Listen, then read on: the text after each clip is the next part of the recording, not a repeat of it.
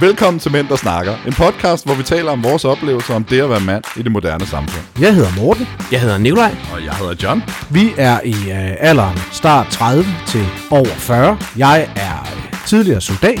Jeg er journalist. Jeg er ligestillingsaktivist. Vi snakker om alt det, der er sjovt, det, der gør ondt, og det mænd ikke er gode nok til at tale om sammen. Vi har lige fået lidt rosé. Uh, vi har vingumbamse på bordet. Det er åbenbart uh, podcastvenlig snak, har jeg fået at vide. I stedet for flæskesvær, uh, selvom det er jo min yndlings. Uh, vi er samlet igen til andet afsnit. Og i dag skal vi snakke om noget lidt andet, end vi snakkede om første gang. Vi skal snakke om skam. Uh, er der noget, vi som mænd skammer os over? Bør man skamme sig som mand? Øh, det er dig, Morten, der har taget det her øh, emne med i dag. Øh, har du ikke lyst til at sige bare lidt om, hvorfor? Jo, jeg synes, der er i hvert fald der er noget interessant i det her med skam. Og vi snakkede også ganske kort om det, før vi, øh, vi startede øh, optagelsen her. At der ligger, der ligger jo den her kollektive skam, som du også snakkede om, Joyce. At der ligger sådan en kollektiv skam i samfundet om det at være mand som kom her efter øh, den sidste MeToo-bølge.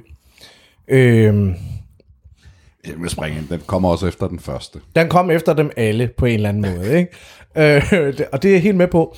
Jeg synes, det er interessant at kigge ind i i hvert fald. Jeg synes i hvert fald, det er spændende i det her forum at snakke om, øh, er der noget, vi skammer os over, og hvorfor skammer vi os over det? Øh, og nu tog jeg lidt ordene ud af munden på dig før, Joyce, omkring det her med den kollektive skam. Det, du, det var jo egentlig en af dine pointer. Vil du ikke prøve at, at sætte nogle ord på? Jo, det vil jeg meget gerne. Øh, jamen, det er fordi, vi...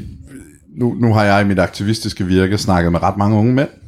Og, og mange af dem... øh, også når man bevæger sig på sociale medier, kan man se sådan en, en øh, tvivl, om de egentlig burde skamme sig over det at være født mand, eller født med en penis. Øh, og, og jeg kan godt leve i sådan en lille osteklokke i det aktivistiske miljø, hvor det ligesom bliver når man siger mænd, så ved vi godt, at vi ikke snakker om alle mænd. Men alligevel bliver det her hashtag not all men jo, det, det trender og trender, og, du ser det næsten under alle opslag, hvor der ligesom er en kritisk artikel om maskulinitet eller mænd. Og derfor kunne, synes jeg også, det kunne være rigtig interessant at høre jeres perspektiver på det her med, føler I er angrebet? For personligt gør jeg ikke, når nogen siger, øh, mænd begår overgreb. Så føler jeg mig ikke ramt. Øh, men, men gør I? Gør du, Nikolaj, for eksempel? Føler du dig ramt, hvis, hvis nogen skriver en artikel øh, om mænd begår overgreb? Nej, det, det gør jeg egentlig ikke. Øh, jeg tror, min, min indgangsvinkel til, til skam som mand er, er nok lidt anderledes end, end, end, end den klassiske, øh, nu, er, nu er ligestillingen gået for vidt, øh, agtige indstilling til det. Jeg tror mere, det handler om, at jeg har sådan oplevet, nu er jeg også op med, nogle, øh, med kun øh, søskende eller søstre, øh, at der ligesom har været en eller anden forskelsbehandling. Det er mere der, den for mig sådan, øh, altså at jeg har følt, at jeg har haft andre vilkår, end nogen, der burde være min ligesindede, på baggrund af, at jeg havde en penis. Det er der, at, at, at, at, at skammen nogle gange kommer ind. Men der synes jeg jo også, jeg, jeg kan godt synes det, jeg kan nogle gange godt forstå behovet for for eksempel sådan en hashtag som not all men, fordi at nogle gange bliver kritikken, særligt hvis man værer sig ind i sådan et øh, en cesspool af, af sociale medier som Twitter eller sådan noget, så kan beskyldningerne også blive så unuancerede, at man nogle gange godt har behov for også lige at sige, hey, hey, hey, det er ikke nødvendigvis os alle sammen. Jeg kan godt mit problem er jo, at rigtig mange af dem, der bruger det fucking hashtag, er så øh, mandetyper, hvor man sidder og tænker, ja, men du burde måske ikke bruge det her hashtag. Men jeg kan godt forstå behovet for også en gang imellem, at, at i den offentlige debat, eller i den offentlige diskurs, at kunne få lov at sige, men det er jo ikke os alle sammen. Fordi sådan kan det nogle gange godt øh, blive profileret, og jeg, har godt, jeg forstår behovet for, også ud fra sådan en debatdiskurs, eller sådan for at sætte noget på spidsen, og sige, alle mænd er potentielt farlige, eller der, der, der er så nogle gange, har man, har man hørt nogle af de her øh, sådan meget voldsomme statements, og hvor jeg godt kan forstå behovet for en gang imellem lige at kunne, kunne øh, sætte sig sammen bagved jeg kan bare se, at nogle af dem, der nogle gange slutter sig bagved det her hashtag, eller det her banner, der er derude, hvor man også lidt sådan, okay, men der sidder med med også nogle såkaldte good guys, som ikke nødvendigvis altså, er de bedste mennesker i verden. Man har lidt behov for lige at sige, åh, men ja, det er altså ikke lige mig, det tæller her. Ja, jeg kan godt følge det lidt, men samtidig er det også, når vi siger fugle flyver, mm. altså så kommer der ikke en hårde ind med skilte, der siger, ah, pingviner kan faktisk ikke flyve, vel? Nej. eller sådan noget andet. Uh, jeg ved faktisk ikke engang, pingviner er en fugl. De kan, men, de kan ikke flyve, men Nej, det er fugle. ja, ja, det er fugle. præcis. Ja. Strus er også... Øh, Øhm, og, og jeg kan også se sådan, jeg synes, der er mange ord, der sådan, og, og måske er det også bare sådan en, en samfundsdiskurs, for jeg kan også se sådan nogle ord som incel, synes jeg bliver overbrugt i øjeblikket. Det er virkelig en beskrivelse af, af en lille, men voksende gruppe øh, øh, mennesker, øh, både femcells og incels, øh, men, men det hænger meget løs som sådan skældsord nu, ikke? som er noget af sådan det værste, man kan blive kaldt. Det er sådan involuntary øh, celibacy øh, Der, type. der, der bliver jeg nødt til at lige... Femcells? Det, det er et nyt begreb. Nå, jamen, det er, det er øh, kvindelig udgave af, af Incels. Altså, det er, det er kvinder, der er beta-kvinder, og derfor ikke øh, kan få dates eller sex med mænd. Ja, man bliver sgu klogere. Ja, men jeg tror lov. Jeg, og jeg vil også sige, jeg tror, noget af det, vi også har fat i her, handler selvfølgelig også mere om en problematisk diskussions- eller debatkultur, mere end det nødvendigvis handler om, om, om det, der ligger bagved. Øhm, men for os at gå ind i spørgsmålet, er der noget, vi burde skamme os om som mænd? Så synes jeg da, at det kunne være interessant at dykke ned i. Altså, Joyce, er der noget, er der noget vi burde skamme os over som mænd? Øh, men mænd som helhed, nej, det, det, det handler i virkeligheden om, at vi skal til at kigge lidt mere indad, synes jeg. Øh, og det, det er et så stort spørgsmål jo, men, men jeg føler ikke, at mænd som kollektiv bør skamme sig over at være mænd. Øh, det, det er ikke et aktivt øh, valg, de fleste af os har taget. Øh, Er der noget, du skammer dig over som mand? Det er, det er der. Der er masser af ting. Der er en masse øh, forventninger til, hvad man skal opnå i livet, som jeg har skulle bruge noget tid på at bearbejde for nogle år siden. Øh, I mit sidste, hvad kan man sige, øh, større breakup efter en, en, et længere forhold, jamen der ramte tanken mig, at nu var jeg midt 30'erne. Øh, jeg havde ikke nogen længere gående uddannelse. Øh, jeg havde ikke noget hus, jeg havde ikke nogen familie, jeg havde ikke nogen børn alle de her ting, som man ligesom forbinder med et succesfuldt liv, om du vil. Øhm, og det skammede jeg mig egentlig over, at jeg ikke havde opnået de her livspoint. Jeg er sikker på, at noget af den samme skam sådan set ligger i alle andre øh, køn også, men, men der var sådan alligevel sådan en eller anden nederlagsfølelse, fordi det er jo, det er jo noget, man som mand skal opnå, øh, når man er der midt 30'erne. Karrieren skal være flyvende, du skal tjene mange penge, du skal have det hele, ikke? Øhm, det er de succeskriterier, vi, jeg føler, vi bliver, vi bliver sat foran os allerede fra en ret tidlig alder. Øhm, og dem følte jeg bestemt ikke, jeg havde opnået. Og det, det tog noget, noget kiggen ind af og noget selvreflektion og komme til et punkt, hvor jeg kan sige, at det ikke rammer mig på samme måde nu, som det gjorde der. Men er det fordi, du så ikke, øh, for at sætte på spidsen, at du er ikke forsørger, du er ikke, øh, når alle de her sådan, prædikater, man kan sætte på, øh, familiefaren, eller, eller de ting, du måske er gået glip af, eller ikke har, ikke har opnået i dit liv, øh, er- det fordi, der er sådan nogle, nogle tanker om, at, at, at man er først opfyldt som menneske, når du forsørger, eller når du kan forsørge, eller, eller øh, hvad er det egentlig, det bagvedliggende i det? Jeg tror, at jeg fik, jeg fik solgt mig selv ideen, at jeg er et helt menneske, når jeg har opnået de her ting. At livet i virkeligheden er sådan en checkliste, en trappe opad, hvor du ligesom kan tjekke med, som du kommer derop af. Ikke? Øh, velvidende, at, at, at mit rationelle sind jo siger til mig, at det er ikke sådan, livet fungerer. Men samtidig er der sådan en eller anden samfundsopstilling og forventning om, hvad man ligesom skal opnå i bestemte faser af livet. Hvor man løber sig, du ved, man starter som ung, og så får man sig en uddannelse, og så løber man hornen af, og så bliver man sat, og så får man en familie, gerne to børn, øh, et hus ude i Vandløse, og så derude ikke? Øhm, og jeg tror i høj grad, det var de forventninger, jeg lød mig trykke af. Men der er vel også ligesom, vi er nået til sådan et sjovt samfund, hvor der er sådan to midtvejskriser, du kan få, og de kommer cirka samtidig. Enten så rammer du sådan midt 30, midt slut 30, øh, og har fået kone og børn, øh, fast arbejde, øh, god karriere, god indkomst, og så når man bare tænker, Nå, øh, var det det? Er, er- det så bare bøf og banæs og golf om søndagen med svigerfar, jeg skal lave resten af livet? Øh, eller også så rammer man den anden midtvejskrise, øh, som så handler om, at øh, man ikke har opnået de her ting. Og så er det også en krise. Altså, du kan, du kan på en eller anden måde ikke rigtig vinde. Altså, øh, og, og jeg har set begge, begge typer kriser, jeg har oplevet i et eller andet omfang, begge typer kriser, selv i mit eget liv også, øh, hvor man også bare når til sådan et punkt, hvor man er sådan, okay, men uanset om jeg gør det ene eller det andet, så føler man sig lidt som en taber. Så man føler sig som om, at der er noget, man ikke har opnået, man burde opnå. Der ligger selvfølgelig også noget omkring, øh, der er også noget, der er bundet op på årstal. Der er, mange har sådan en krise op til, de fylder 30, og så, så fæl, der, den er der også lidt op til, at man fylder 40, men den er ikke så voldsom osv. Men der er sådan nogle livsfaser, som enten kan være bundet op på år, men også kan være bundet op på faser, hvor hvis man ikke har opnået det ene eller det andet, og man sådan kan se, at løbet er kørt, eller, eller jeg har nået det, men nu er der bare altså 50 år tilbage i mit liv, og jeg aner ikke, hvad jeg skal fylde det ud med, for nu har jeg fået det hele. Så, så ender man bare som taber. Begge steder. Øhm, I hvert fald ind i ens eget hoved. Ja, ja, ja. Men, men det, det, det er jo ikke, fordi det bare popper op i ens hoved ud, ud af ingenting. Altså, der er jo sådan en eller anden samfundsidé, samfundspres, man tager på sig. Det- altså, Ja, ja, jeg er sådan set helt enig, og jeg oplevede så den ene af de to kriser, ikke? Øhm, og det, men jeg synes egentlig ikke, at mine 30'er var så slemme. Øh, jeg kan huske, da jeg fyldte 30, var jeg ikke sådan vildt panisk over at fylde 30. Jeg var sådan, nå jamen, det er jo, det er jo fint. Ja, tal for dig selv. Jeg er lige Nej, nej, ja, 30. men, men, men, men da jeg fyldte 31, det var faktisk større for mig. Fordi nu er jeg sådan, oh shit, nu er jeg i 30'erne. Før var jeg bare 30, ikke?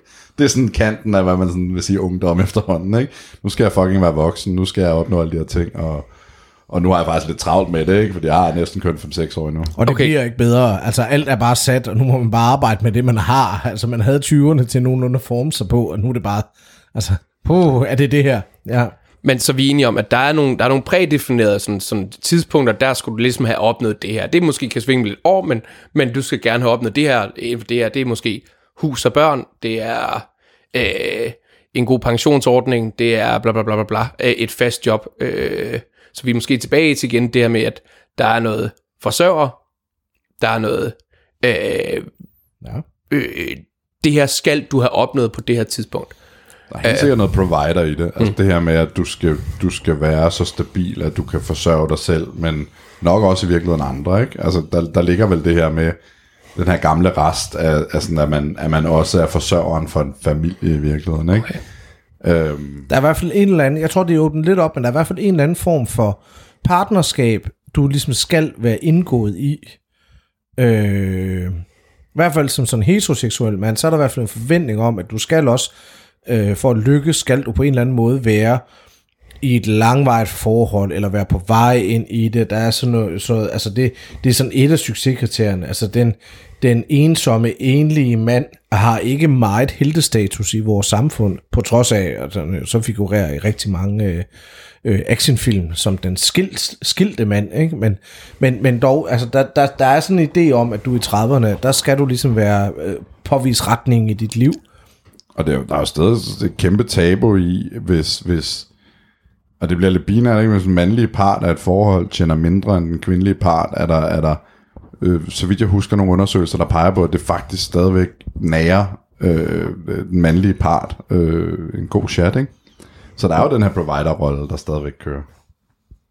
Men der er jo også, der er jo også kvinder, der har det svært, hvis ikke deres mand er ham, der tjener mest.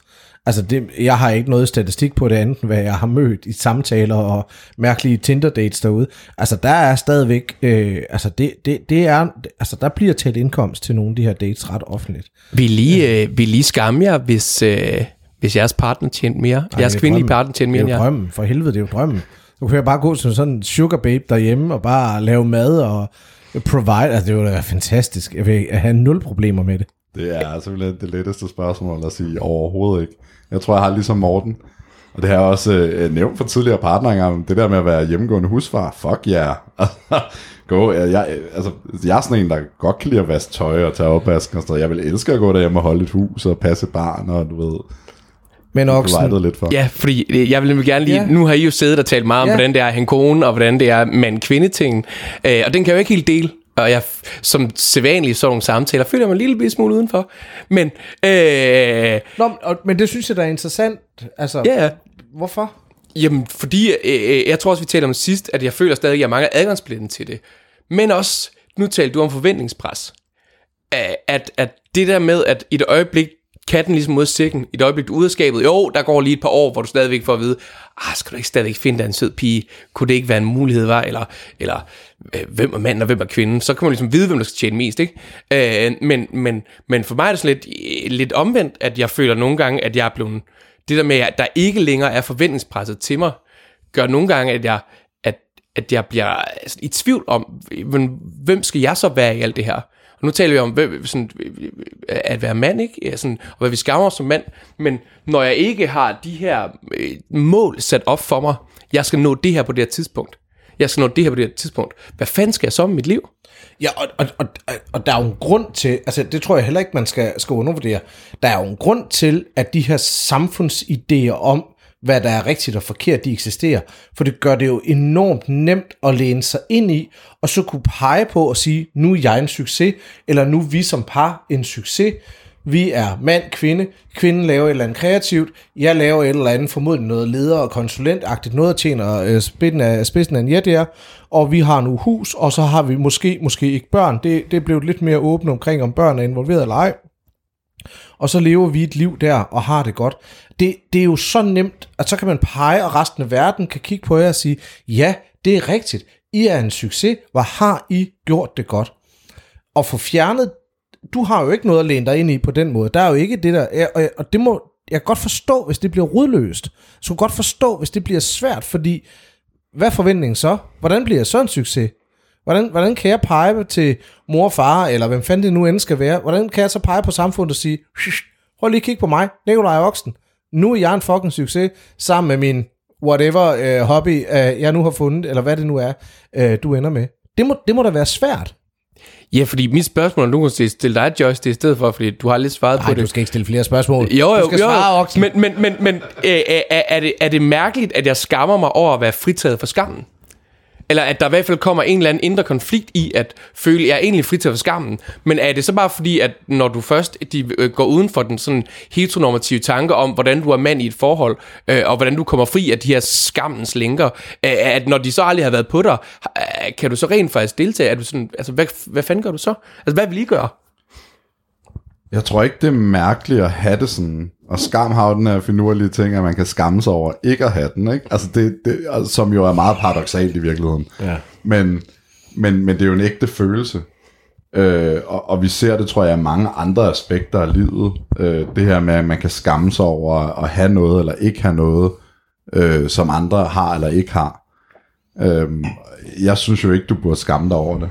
Øh, men, men det er jo også, vi sidder på to sider af, af, af den historie, fordi jeg vil jo elske ikke at have de forventninger. Ikke? Øh, men samtidig er der noget, du ikke... Fordi når man som mand opnår nogle af de her trin, så belønner øh, samfundet rundt om dig også. At du får anerkendelse, du får ros, du får hey, du får det der, sådan, det der blik og et lille nik med hovedet, ikke, som siger, hey, godt gået, du fandt med, du er nice.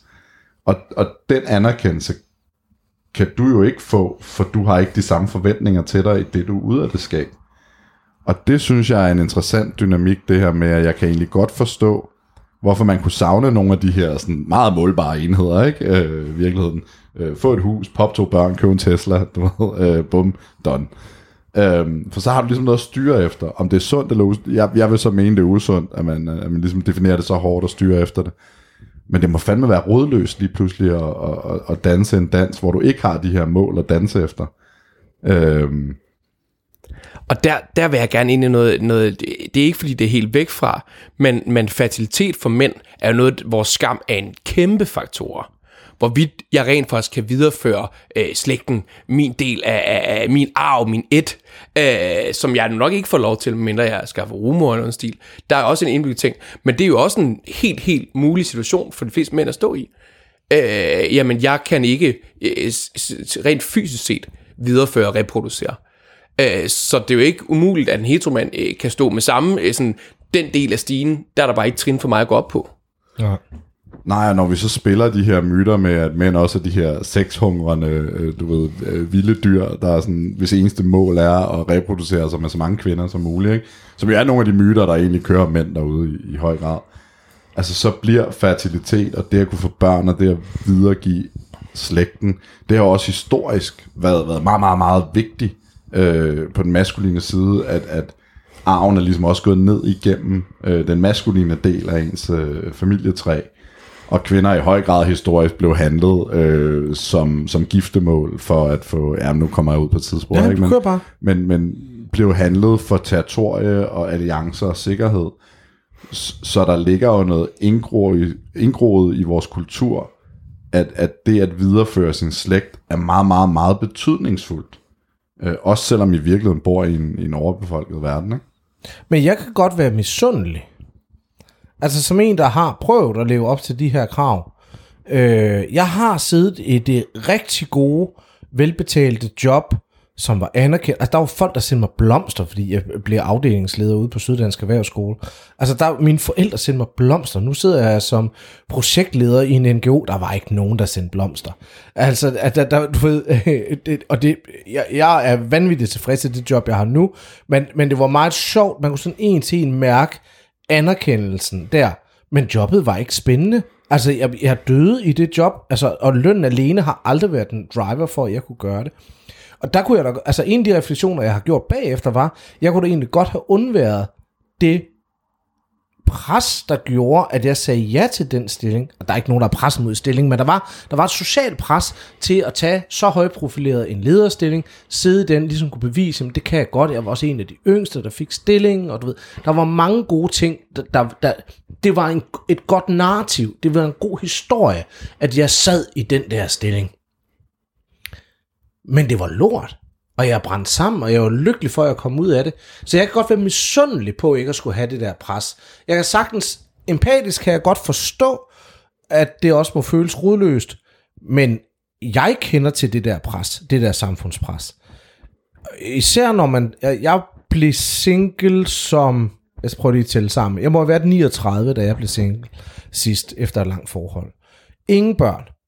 Øh, ikke noget, øh, jeg sad også i en NGO på det tidspunkt, i et eller andet øh, lidt småbødet job. Øh, alene i en lejlighed med en kat, og så kom corona, og det var bare, man kunne bare mærke, altså det her, det, altså, puha, hvordan, hvordan, jeg har ikke, jeg har ikke lykkes på nogen parametre. Hvordan ender jeg der? Så fik jeg det her job, og så havde jeg det bare inde i mig selv. Nøj, lige starten, jeg synes, det var så fedt. Nu lever jeg op til det her. Fordi jeg er, ikke, øh, jeg er ikke aktivisten ligesom Joyce. Jeg kan ikke bare hæve mig over samfundets forventninger til mig. Jeg, jeg er jo, jeg lider jo uh, hårdt under dem. Uh, men, men, Shots fired. shot fired. Men pointen handlede mere om også at få sagt det her med, at selv når man så gør det, så har det også bare en fucking pris. Og jeg kender så mange mænd, som sidder i stillinger, øh, eller i, nu kalder jeg det stillinger, fordi nu bliver det meget arbejdsrelateret, men det behøver ikke nødvendigvis være, men de sidder i livssituationer, som de egentlig ikke er tilfredse med, men fordi samfundet har sagt, det er det rigtige, så bliver de siddende i dem. Og, og, og jeg tror meget af det hænger op på økonomi og penge og job og prestige, øh, mindre måske nødvendigvis gør i parforhold. Øh, det er blevet mere norm at kunne, kunne skilles nu. Og det, det er alt sammen bare en brandtal for at sige, at jeg kan godt være misundelig på ikke at skulle have det pres på mig.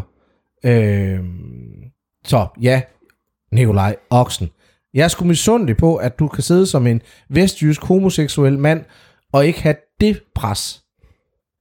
Men er der så noget andet, du skammer dig over i alt det her Ja, fordi med at være mand? Altså, det er der helt sikkert. Nu, nu var vi inde på pres. Synes egentlig også, det er lidt, lidt sjovt. Øh, jeg vil ikke gerne lige, lige svare på den.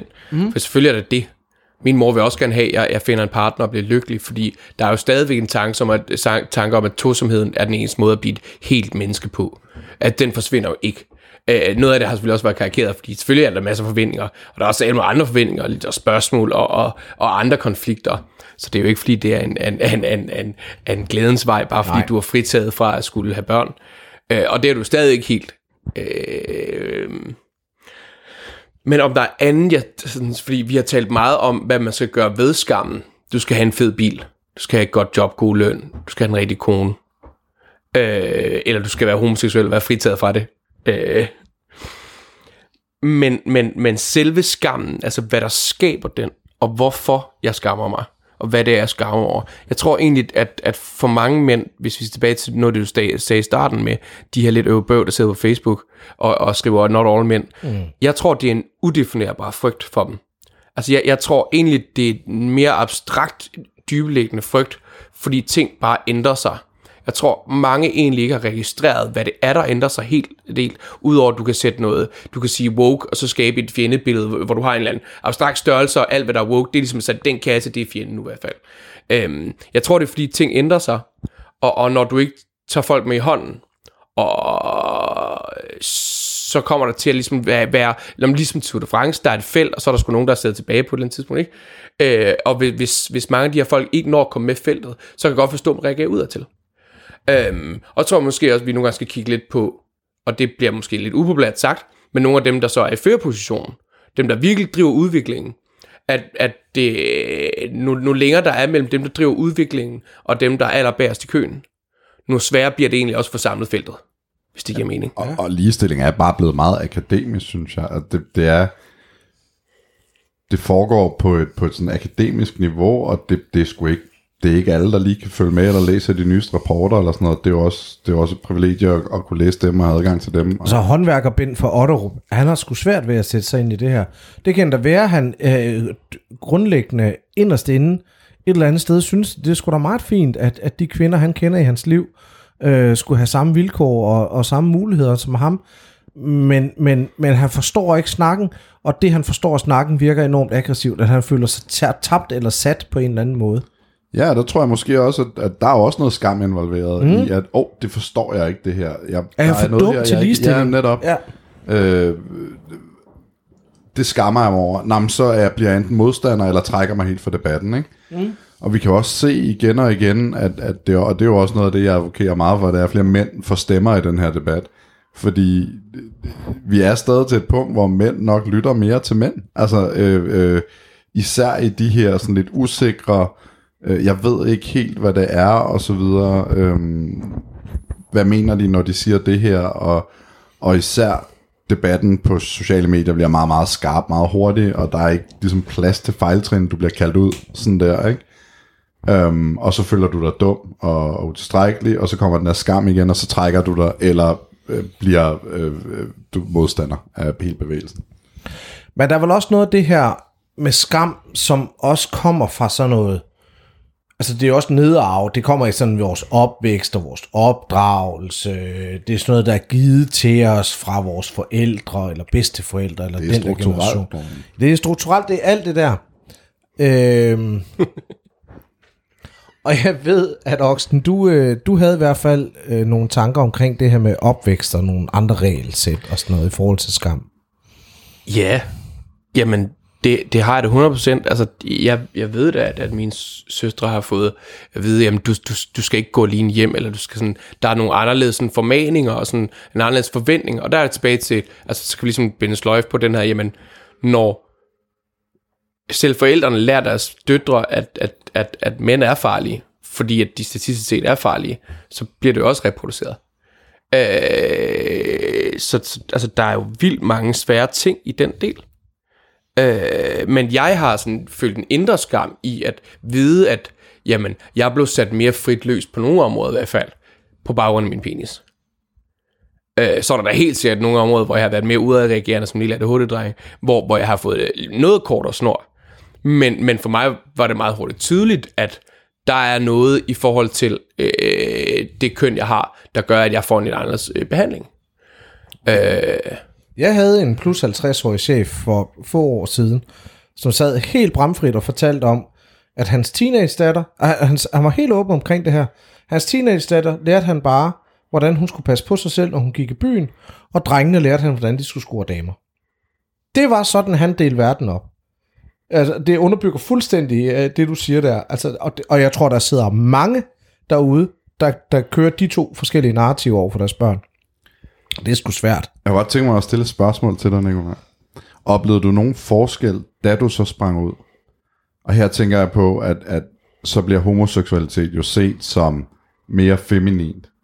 var der et skift i attitude omkring de regler, eller var du stadig, hvad kan man sige, mand nok, i anførselstegn til at gå alene hjem og til at, altså...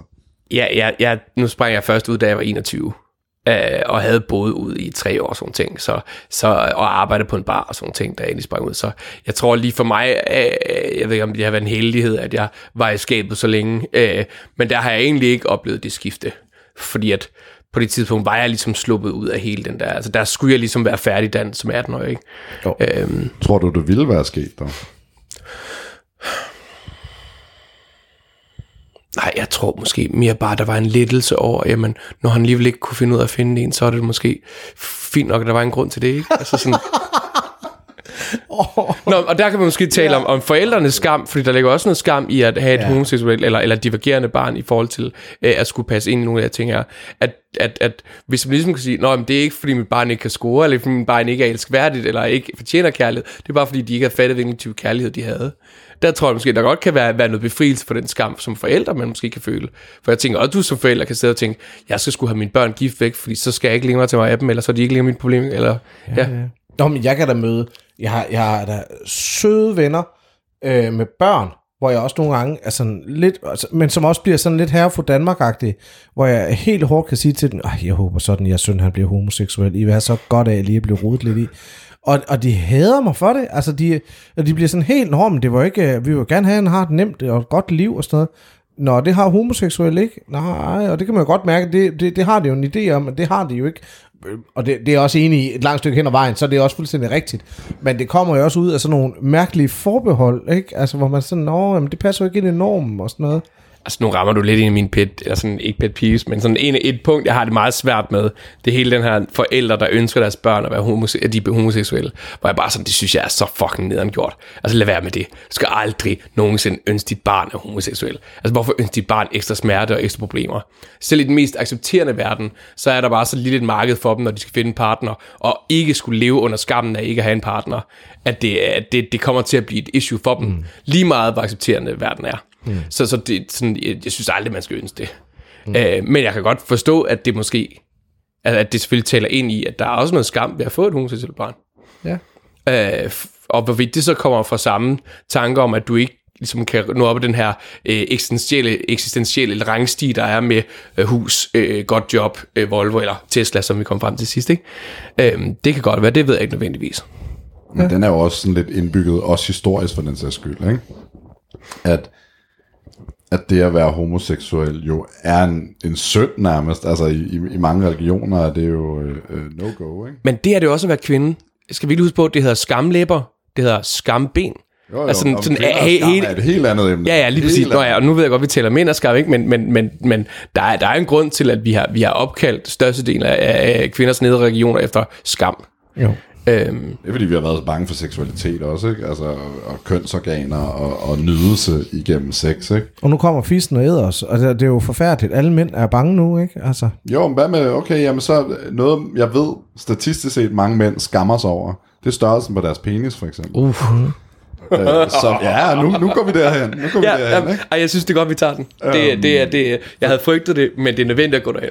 Og, og, og, og, hvad hedder det? Uden, at- uden at forarve nogen, kan nok. Der har du sgu nok mere erfaring end os, Nikolaj.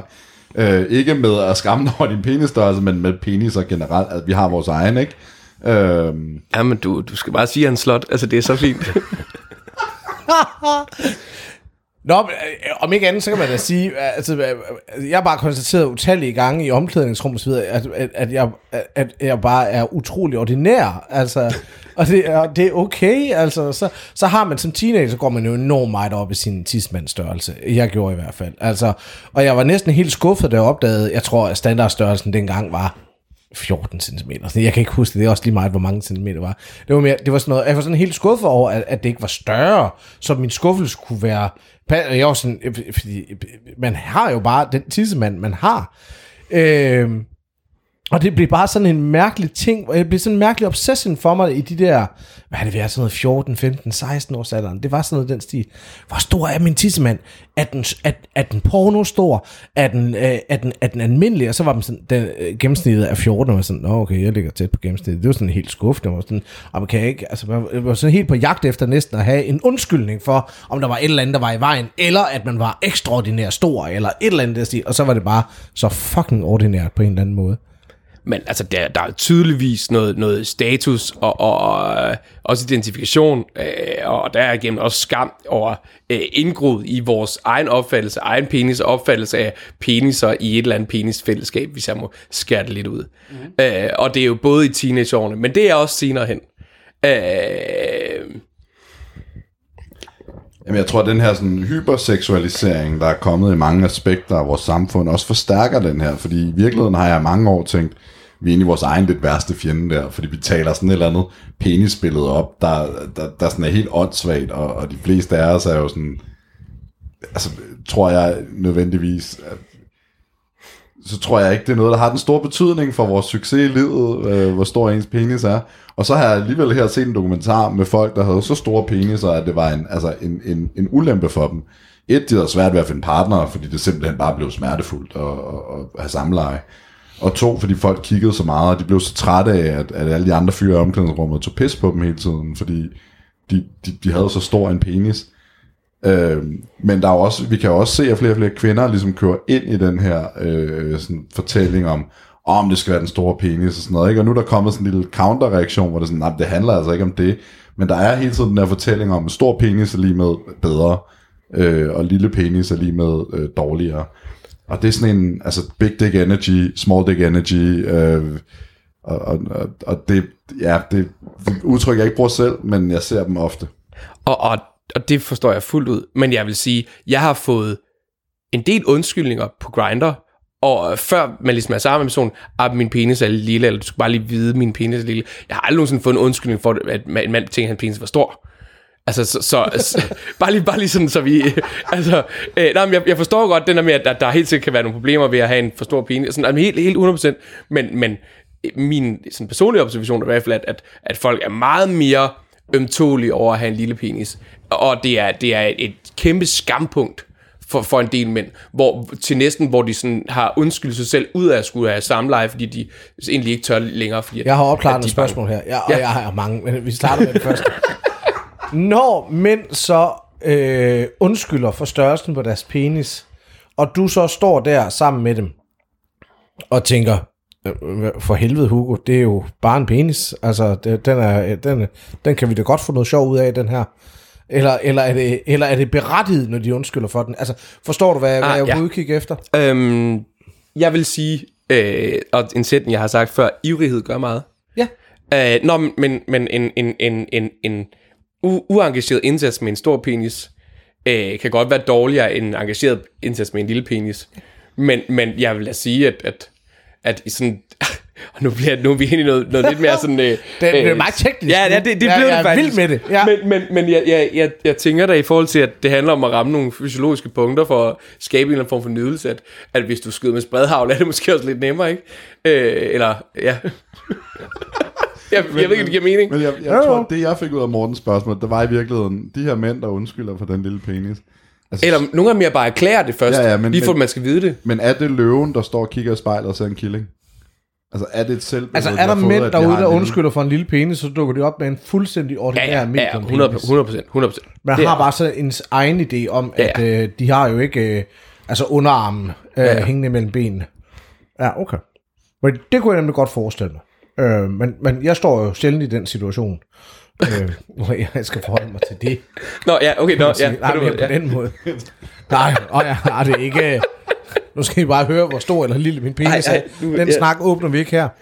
Øh, men, men det handler mere om, øh, at jeg kunne nemlig godt forestille mig, at mange mænd derude undskylder. Jeg har også hørt kvinder fortælle om mænd, der undskylder for størrelsen på deres penis, og det, de konstaterer, når der så bliver pakket ud, det er, det er en fuldstændig ordinær penis.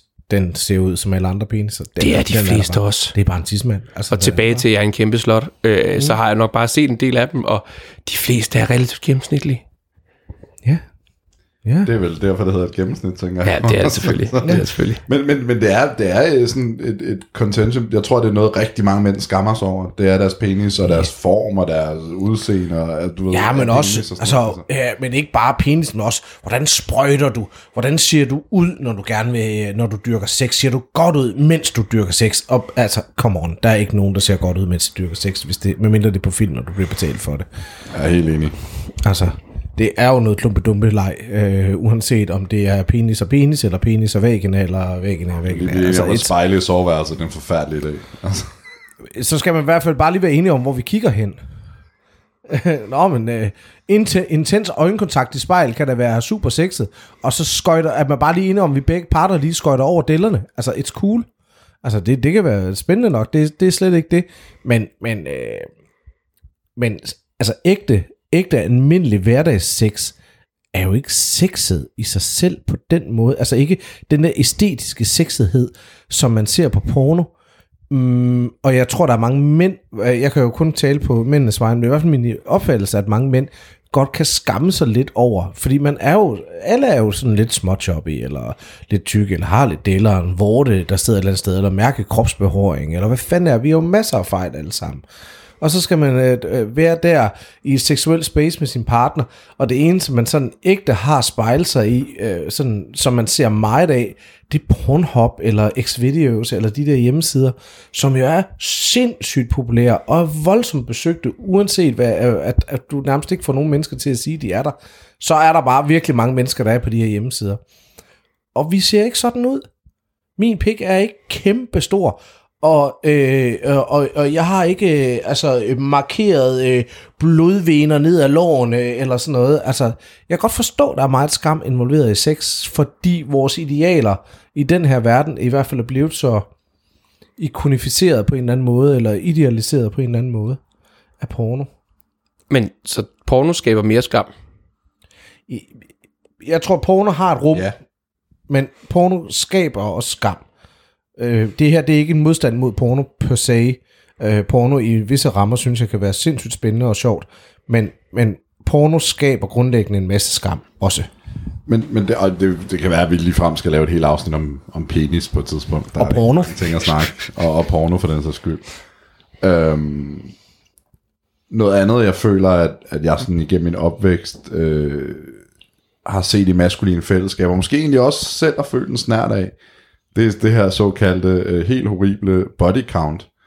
Øh, hvor mange har man egentlig haft sex med? Ja. Øhm, det er også noget, der, øh, der, der virkelig kan bringe sådan løgneren op i mange mænd i virkeligheden, ikke? Altså, hvor, hvor man lige skruer lidt ekstra på, fordi man skammer sig over, at man har været sammen med for få, eller øh, er, det for mænd ofte, og for kvinder er det omvendt, ikke? Så hvis de har været sammen med for mange, så er der noget skam forbundet med det, ikke?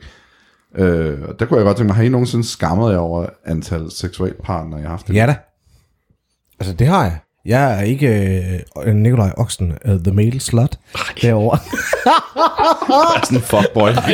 Ej, du stopper ikke. Bare grinder fuckboy number one. Du kan bare klippe det Øhm, her ud. Ja. Men øh, nej, altså i forhold til body count, jeg... Øh, Nu shamer vi ham for hans antal Ej, partnere. der, der er lidt slotshaming til stede. Altså, det er okay. på skam. Ja, altså, ja, det, ja, det har jeg. Altså særligt, da jeg var yngre. Altså det har jeg. Jeg har oplevet skam. Jeg har ikke haft sind- sindssygt mange seksuelle partnere. Øh, jeg tror, jeg har haft et normalt antal i virkeligheden i forhold til så mange andre mænd, hvis vi skal have løgnhistorierne fra. Øh, men hvis vi ikke gør det, så har jeg ikke haft særlig mange seksuelle partnere, og jeg har altid været ret ærlig omkring det. Men jeg har så også mærket øh, den her øh, modstand eller skam, der ligesom blev skubbet over på mig over, okay, men hvorfor har du ikke bare dusket flere? Øh, jeg har aldrig været særlig god til one night stands, jeg har aldrig været særlig god til sådan noget Tinder eller Skort.dk eller sådan den stil. Det, øh, det, det virker bare ikke lige for mig. Men det gør jo også, at mit body count er ikke særlig højt. Øh, og jeg har haft langvarige forhold med den samme, altså med de samme partnere. Og så er det dem, jeg har dyrket en masse sex med i stedet for. Øh, men det tæller på en eller anden måde ikke.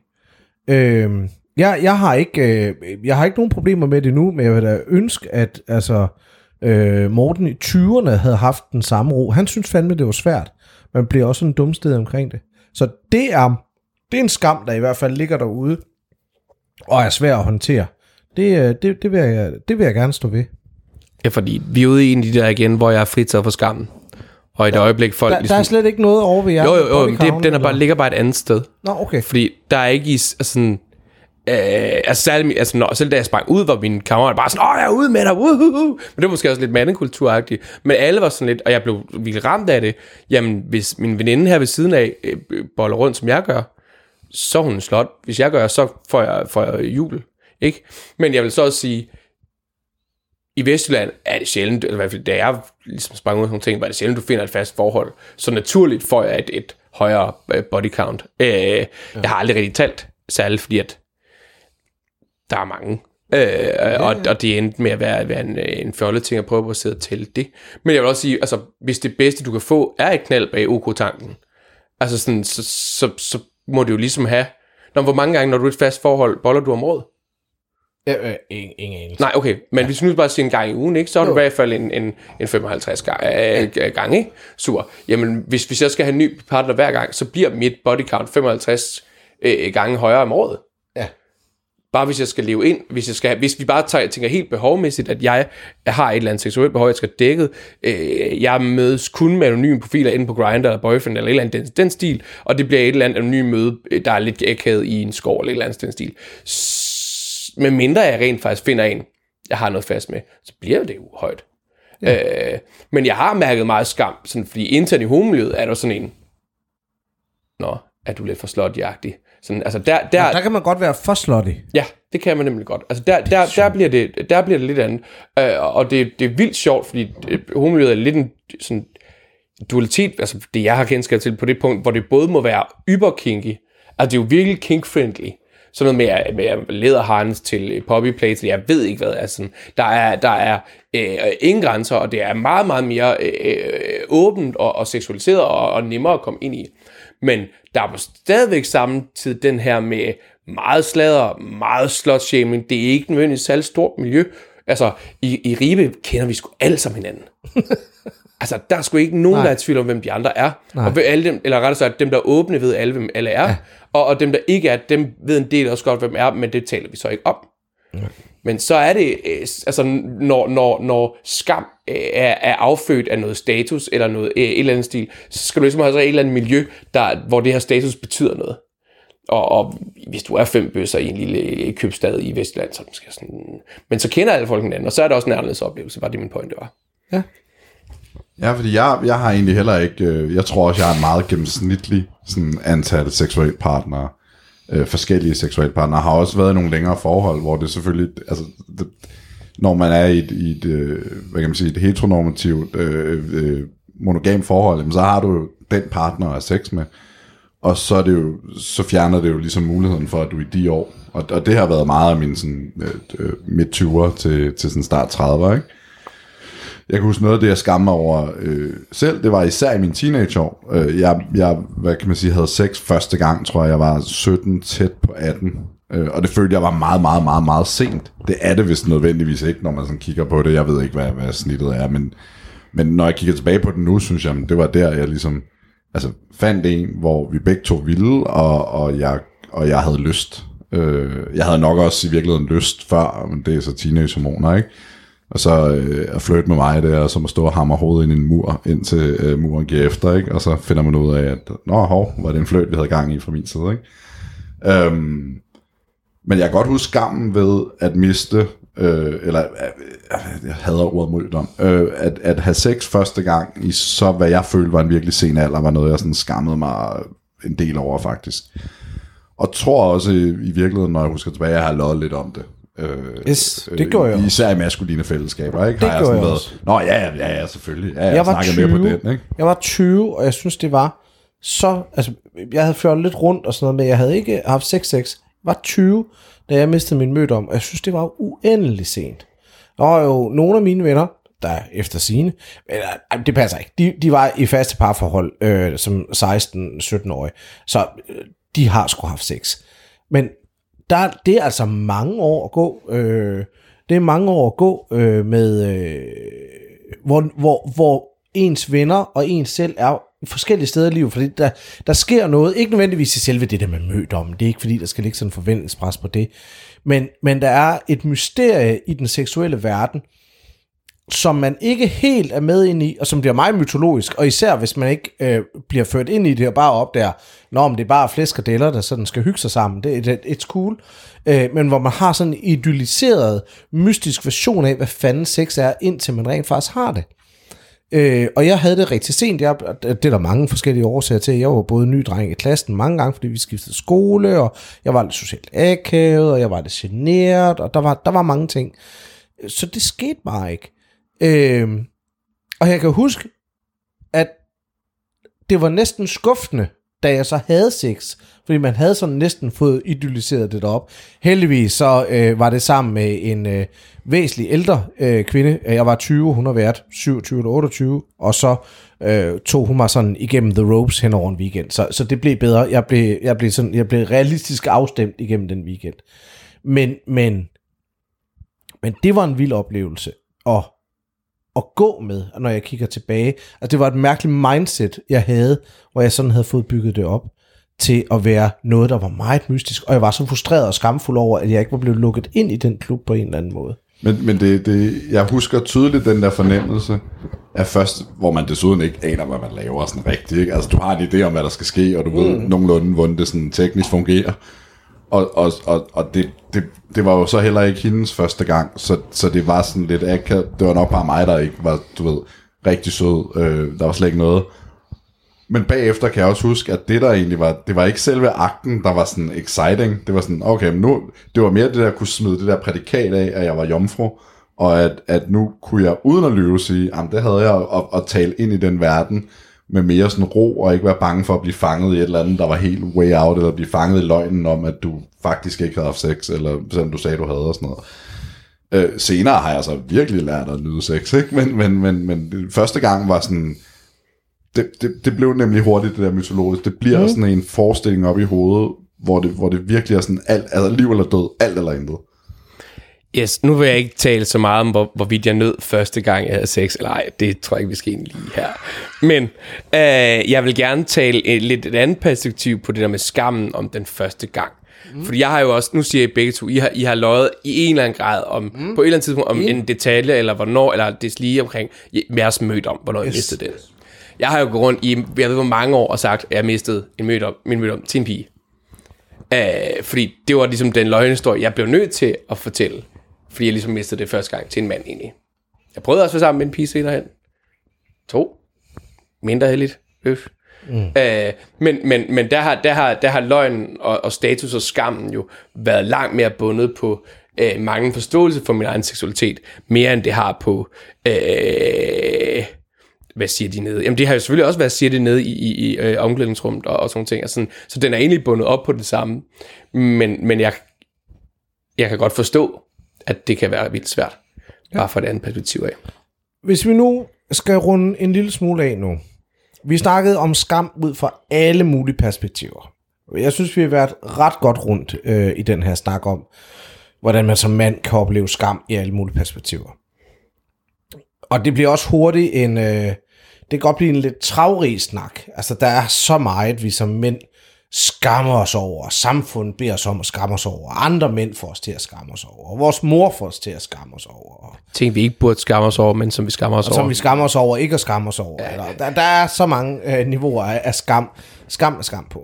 Hvis vi nu ligesom skulle prøve at runde af på en lidt positiv note, og prøve at kigge hen imod Øh, bliver det bedre? Er der noget, der bliver nemmere med alderen? Er der, er der nogle øh, fremtidsperspektiver i øh, at arbejde med skam? Er der et eller andet, øh, I har gjort, hvor I er blevet bedre til at håndtere, nu kalder jeg det samfundsskam over sådan en bred kamp, eller den kollektive skam, tror jeg Joyce han kalder det nogle gange. Er der, er der noget, hvor I oplever, at I er blevet bedre til at håndtere skam, blevet mere ligeglade, eller, eller bare har konstateret, at det kommer jeg ikke til at klare, og det er fint, okay? Har I nogle tanker? Ja, der er jo helt sikkert en eller anden...